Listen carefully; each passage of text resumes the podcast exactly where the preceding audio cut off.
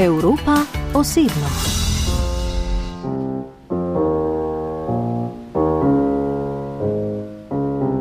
Predvsej neprijetno je, ko delaš intervju z gostom, katerega primek se ti zdi tako kompleksen, da si ga komaj upaš poskusiti izgovoriti. Še najbolje je, da zato to nalogo prepustiš kar gostu samemu. E, Nikodom Ščegovski. E, Ščegovski je primek, e, ki izvirna beseda je ščegev. Ščegev to je takšna majhna ptica, ne?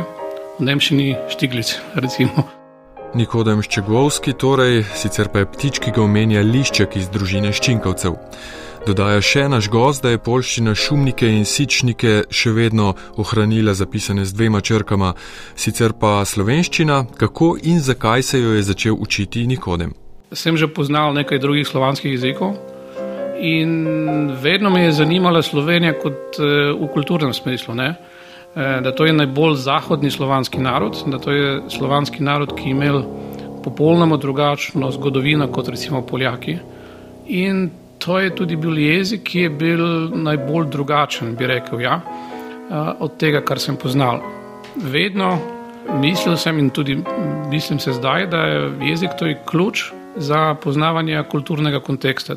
Prvič sem prišel do slovenskega konteksta, ker sem študiral eh, univerzi, eh, na polskem sem študiral v Lođu in v knjižnici sem opazil eh, knjigo Drago Jančara in to knjigo sem prebral. Eh, to je bila druga polovica 90-ih let in to je bil moj prvi stik s, s tem, kaj je ta kulturni svet Slovenije.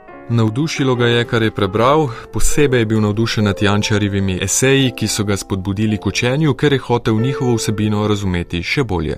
Nekaj časa kasneje sem dobil priložnost udeležiti tečaja eh, na univerzi v Vilni v Litvi. Tem tečaj sem končal, potem pa sem bil na poletni šoli enkrat, dvakrat tukaj v Ljubljani in, ja, in tako podale že šlo. Ne? Slovenščine in nasploh jezikov sicer ni nikoli študiral, kar je običajna pot tistih, ki zaidejo tudi na pota našega jezika. Nikodem je v Lodžu študiral mediteransko arheologijo, potem še v Pragi marketing. No, potem je pa tu še en precej eksotičen jezik, ki se ga je naučil - litovščina. Litovščina je bilo hm, večinoma praktično, da sem živel v Litvi kar veliko časa zaradi različnih razlogov. In ja, pa če že si tukaj in imaš možnost, da slišiš ta jezik, da lahko bereš nekaj v tem jeziku, zakaj ga se ni naučiš. Ne? Drugače pa tu je tudi nekaj bizarnega v tem, da poznaš jezik, ki ga niče ne razume. Ne? Ja, tukaj seveda se šalim. Pa res to je zanimiv jezik, ki ni slovanski, pa je zelo pomemben v zgodovinskem kontekstu, da on je kar arhajičen. In če poznaš ta jezik, vidiš na nek način procese, ki so se dogajali potem tudi v drugih jezikih, ne v slovanskih. Še eden od razlogov za litovščino je zgodovinski, Polsko-Litovska zveza, ki je obstajala do konca 18. stoletja. Drug jezik ti da še drug pogled na skupnost, ki jo poznaš predvsem prek svojega jezika in s tem svojega naroda. Nikodem Ščegovski se kot esejist, novinar, pisatelj, prevajalec veliko ukvarja z različnimi pogledi na določene stvari. Zanimel me je slovenski, pa tudi evropski pogled na današnjo Polsko oziroma njegovo mnenje o tem. Odvisno od tega, s kim govoriš. Vsi smo v nekem svojem mehurčku. Seveda, zdaj imamo popolnoma drug fokus. Ne? In to tudi vidiš v medijih, recimo, kakšne tekste so objavljeni, o, o, o čem govorijo ti teksti, kar, kar, kakšne reportaže vidiš v, v televiziji. Recimo. Polski kontekst, seveda, je zelo, zelo zdaj prevlaдаjoč eh, tema vojne. Tega ne vidiš v Sloveniji, to je res. Ko prideš v Slovenijo, vse je mirno, tiho, lahko pozabiš, da kjerkoli na vzhodu zdaj traja vojna. Ne? Poljska se ta trenutek najbrž bolj kot sabo ukvarja z dogajanjem v soseščini. Na vsakem koraku je čutiti in videti veliko ukrajinske simbolike, od zastav na stavbah do avtomobilov. Ukrajina in vojna v sosednji državi je tako postala del polskega vsakdana, pogosto Poljaki tudi težko razumejo očitek, da hočejo NATO potegniti v vojno vidik večine slovencev je popolnoma drugačen. Vem, da kar veliko ljudi tukaj ima recimo kritičen pogled na NATO in eh, na druge stvari s tem povezane, pa Na polskem pa tega nimamo, tudi nimamo tega konteksta v balskih državah, tudi nimamo tega konteksta recimo na finskem. In odgovor je preprost, mi smo ne čutimo nevarnem, zdaj družba, recimo v večini, pa slovenci imajo to možnost, da se počutijo nevarnem in to je to. E, če nihče te ne ogroža, lahko polemiziraš o tem, ali NATO ti treba ali ni. Na polskem je odgovor na to vprašanje seveda samo umeven, dodaja Nikodem. Ne na zadnje, med Polsko in Litvo obstaja ruska eksklava Kaliningrad, ki nas vedno znova upozarja tudi s kopičenjem orožja. Ja, razumem, da zdaj ne bo tega uporabili, pa ne bo tega uporabili zaradi tega, da je vse to, kar že imeli, so uporabili v Ukrajini. Ne? Mogoče ne. Vprašanje vedno obstaja, ne? pa ne moremo pobegniti iz zemljevida. Ne? Na zemljevidu si tam, kjer si. Zaradi interesov velesil v soseščini Polske na zemljevidu dolgo časa sploh ni bilo, dodaja. Razume pa, da se sončne strani Alp to veliko krat zdi kot pretiravanje. Tudi sicer se mu zdi, da na Polsko pogosto gledamo kar v paketu z evropsko problematično Mačarsko. Deloma seveda in večinoma mogoče zaradi trenutne politike vladajoče stranke, ki je takšna, kakšna je. Vprašanje je v tem, da Poljska ni Mačarska. Če govorimo o Mačarski, imaš kar veliko mesto Budimpešto in imaš podeželje. Ne? In e, na tem podeželju imaš povsod majhne mesta, ki so v tem sistemu, ki se ga zgradil Orban. Ne? Iz tega sistema potem je ločena Budimpešta, ne? pa Budimpešta je samo ena. Na polskem eh, situacija je drugačna. Na polskem imaš kar veliko velikih mest, In recimo vsa petica velikih mest, je prestolnica Varšava, Krakov, Vroclav, Poznań, Gdańsk, Katovice tudi. Vladajoča stranka nima oblasti v tistih mestih, ne? pa ima na podeželju. In to je, jaz bi rekel, to je bolj konflikt, eh, po eni strani to je konflikt generacij, po drugi strani to je družbeni konflikt med podeželjem in velikimi mesti. Zato je tudi težko pošalno reči, da je Poljska nasploh zelo konservativna. Pravzaprav je Poljska tako velika in različna, da je vsako posploševanje precej neprimerno. Že sam nastanek sodobne Poljske to potrjuje. Po prvi svetovni vojni je namreč nastala iz treh delov: avstro-ogrskega, nemškega in ruskega. S tem so se združili trije upravni sistemi, trije železniški sistemi, trije načini razmišljanja. Prej več kot sto let Poljske kot države sploh ni bilo. Poljska je zato tudi danes v neprestani transformaciji. Današnja poteka na dveh nivojih, v mestih in na podeželju, v mestih veliko hitreje kot na podeželju, a na polskem, na državnem nivoju, denimo za razliko od Slovenije, večinoma vedno prevlada podeželje. Absolutno. To je paradoks, da vsi mislijo, da Poljska to je Varšava, Krakov, Gdansk. Spomnimo solidarnost, recimo, ja, kako je bila močna solidarnost na Polskem. Poljska v mojem srcu. Adra. Ne? Resnica je takšna, da večina volivcev je na podeželju. In zdaj na točno imamo to, o čem govorim, da vladajoča stranka PIS nima oblasti v vseh teh mestih, o katerih sem spomnil, pa vedno imajo dovolj glasov, da bo imeli večino v parlamentu iz podeželja. Ne? Kljub temu se mu zdi, da je država v neke vrste pad položaju, ker nobena od obeh strani ni dovolj močna, da bi si družbo oblikovala po svoji podobi in željah. Tako obstajata dve usporedni polski družbi, ena bolj liberalna in ena bolj konservativna, pravi Nikodem Ščegovski.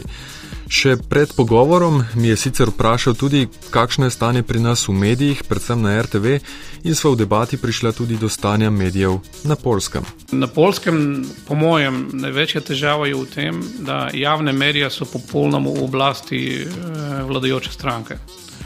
In to pomeni, da recimo javna, javna televizija, TVP, tudi javne radio, eh, polski radio in tako naprej, imajo neko obveznost da širijo narativ vladajoče stranke. Kar po, mo po mojem ni v redu. Mora biti nek eh, raznolik diskurs, če govorimo o javnih medijih. To, kar slišimo o javnih medijih na polskem, je grozno, po mojem. Imamo glasovi sovraštva, vedno slišimo o tem, karkoli, recimo, da LGBT skupnost je takšna ali takšna, da Nemci so takšni ali takšni in vedno slišimo o tem, da, da Poljska je ogrožena. Poljska mogoče res je ogrožena, pa dejansko ni s tem, o čem oni govorijo. Ne? Polski javni mediji torej niso javni, ampak državni. Obstaja pa na polskem veliko ostalih svobodnih medijev in kdor hoče dobiti drugačne nevladne informacije, jih brez težav najde. In tu je glavna razlika z Mačarsko, tam drugih in drugačnih informacij ni. Orban si je uspel podrediti vse medije. In zanimivo je to, da veliko Mačarov iz Mačarske bere novice na tem portalu. In mislim, da to je dober primer tega, uh, kaj se dogaja na Mačarskem. Da, da če lahko vidiš, iščeš nek drug pogled, moraš spletno iti v tujino, da boš našel to. Ne? Naš gost govori o spletnem portalu politične stranke Mačarov na Slovaškem, ki je kritična do Orbena in ki je ustvarila svoj spletni portal v mačarščini. Nekaj podobnega zaznava tudi v Srbiji, kjer njegovi kolegi dobivajo informacije iz hrvaških medijev. Poljska, v mojem srcu, v mojem srcu mazurka. Poljska, nije nikad, nije nikad dala krislinga. Pogovor z Nikodemom Ščegovskim sem hotel pravzaprav začeti s trenutkom, ko sva pred skoraj letom dni prišla v stik. To je bilo ob začetku vojne v Ukrajini, ko je odšel na polsko-ukrajinsko mejo v mesto Pžemišel in tam pol leta delal kot prostovolec, predvsem prevajalec. Mesto je bilo osrednja točka prihoda ukrajinskih beguncev na Polsko, ampak najprej medklic o samem Pšemišlu in Galiciji. To je tudi zanimivo, da večina slovencev je prepričana, da Večina slovenskih žrtev prve svetovne vojne je bila na Soški fronti, pa dejansko to ni res. Večina je bila v Galiciji in iz tega kar veliko je bilo v Festung Šemeš. Na drugem koncu Avstralske torej in na tem območju je ponovno vojna, ponovno vlaki vozijo begunce, ljudje pa spet bežijo. V Šemešlu sem bil do konca junija, res imam v glavi neko polno sliko, kaj se takrat tja dogajalo. In vsak vlak pripelje recimo 560 ljudi vsakodnevno. Takšnih vlakov danes imaš recimo 5-6. Ja, zdaj seveda to izgleda drugače, kot je bilo v marcu. V marcu to je bila popolnoma katastrofa. Težko najdem besede, da bom prav opisal, da bo mogoče slike bo pokazale več tega, kar se je dogajalo na postaji. Zdaj to ni tako, to je izgleda normalno, recimo pa vedno prihajajo ljudi iz vzhoda Ukrajine, ki so popolnoma izgubili svoje življenje, ki nimajo eh, kamor vratiti domov, eh, ki so izgubili eh, družino, ki so izgubili vse svoje življenje. Vedno to se dogaja vsak dan. In to se mu zdi najpomembnejši kontekst in hkrati izhodišče pogovora o tem, kdo je kriv ali kdo je začel. Pol leta je v Pšemišlu Nikodem eh, pomagal predvsem s prevajanjem, pomočjo pri urejanju dokumentacije in podobno. Prihajali so predvsem ljudje z vzhoda Ukrajine, govorili so rusko, ukrajinsko ali mešanico obojega, kar pa niti ni pomembno, dodaja. Če govorimo o zgodbah, tih ljudi so iste. Ne? Ja, zgodovinsko je tako, da večina ljudi eh, navadno uporablja ukrajinščino dejansko v vsakodnevnem življenju na zahodu, pa to je zelo hitro spremenja zelo hitro spremenja. Recimo, če mislimo o tem, da Harkov ali Odese so večinoma rusko govoreče mesta, zdaj pa to je tudi spremenja. Sem imel primer ene ženske, ki je prišla iz Harkova in mi je povedala, da ona nikoli več ne bo uporabila nobene besede v ruščini. Mi je povedala, vse življenje sem govorila rusko, samo rusko, zdaj bo nobene besede v ruščini ne bom rekla. Razumeš? In to so zgodbe, ki eh, recimo, lahko eh, razumeš v kontekstu Vukovarja ali Sarajeva. Ne? Najhujša stvar, eh, ki je putinski režim naredil za ruski jezik in za rusko kulturo, to je odgovor tistim, ki zelo skrbijo za stanje ru, ruščine in ruske kulture v Ukrajini. Najhujša stvar naredil putinski režim za njih, ne Ukrajinci. Nikodem Ščegovski je, kot rečeno, trenutno na pisateljski rezidenci v Ljubljani, zadnjega pol leta je preživel v Krakovu, kjer pa je še vedno sodeloval z dvema fundacijama, eno švedsko in eno litovsko. Iz Krakova je koordiniral pomoč za Ukrajino. Še vedno pogosto odhaja na mejo ali čez njo, pretežno v Lvov oziroma Lviv oziroma Lev, kot bi mesto poimenoval on po slovensko.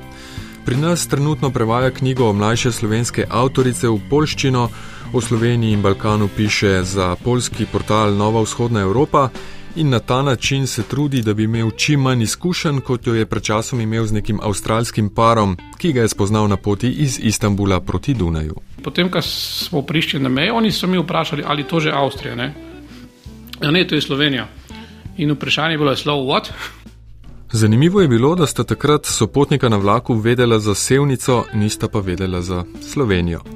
Naš gost je veliko delal tudi v turizmu, sodeloval je nekaj časa tudi s slovensko turistično organizacijo, predvsem pri sodelovanju z Baltikom, je pa med drugim tudi častni ambasador Lvova.